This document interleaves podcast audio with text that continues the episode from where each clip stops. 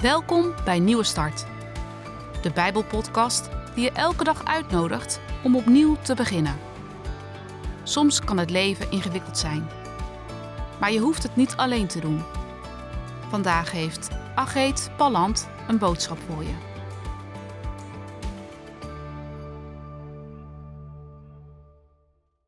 Nepnieuws, complotten en intriges rollen elke dag via een beeldscherm ons leven binnen.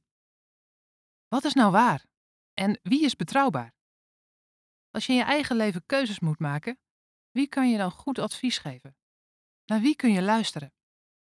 Jezus geeft ons vandaag een heel praktisch advies hoe je kunt onderscheiden wie er betrouwbaar is. We lezen Matthäus 7, vers 17 tot 20. Jezus zegt daar: Het is net als met bomen.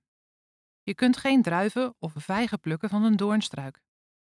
Een goede boom geeft goede vruchten. Een slechte boom geeft slechte vruchten.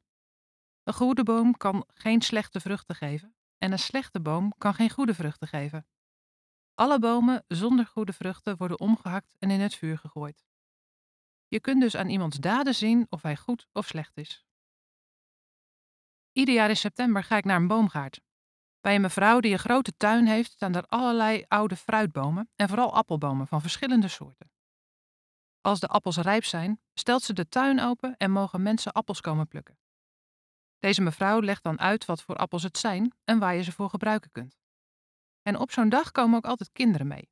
Die vinden het leuk om de appels te plukken, maar natuurlijk ook te proeven. Bah, deze is zuur, klinkt het dan nog wel eens. Ja, dan hebben ze een appel geplukt die je beter kunt gebruiken voor een appeltaart of appelmoes en die niet zo lekker is als handappel.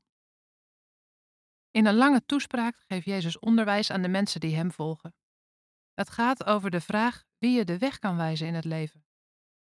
Wie verkoopt er lege praatjes of is uit op eigen gewin? En wie weet echt wat de weg naar het goede leven is?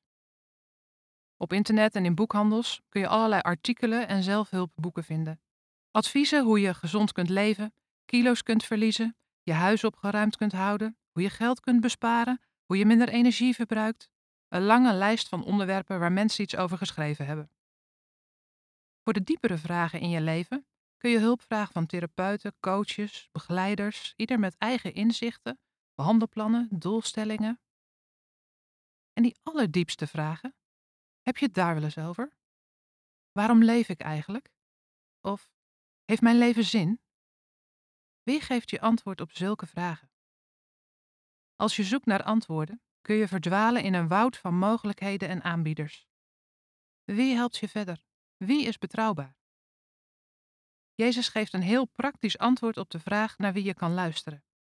Hij zegt: Kijk naar iemands daden. Brengt hij in praktijk wat hij zegt?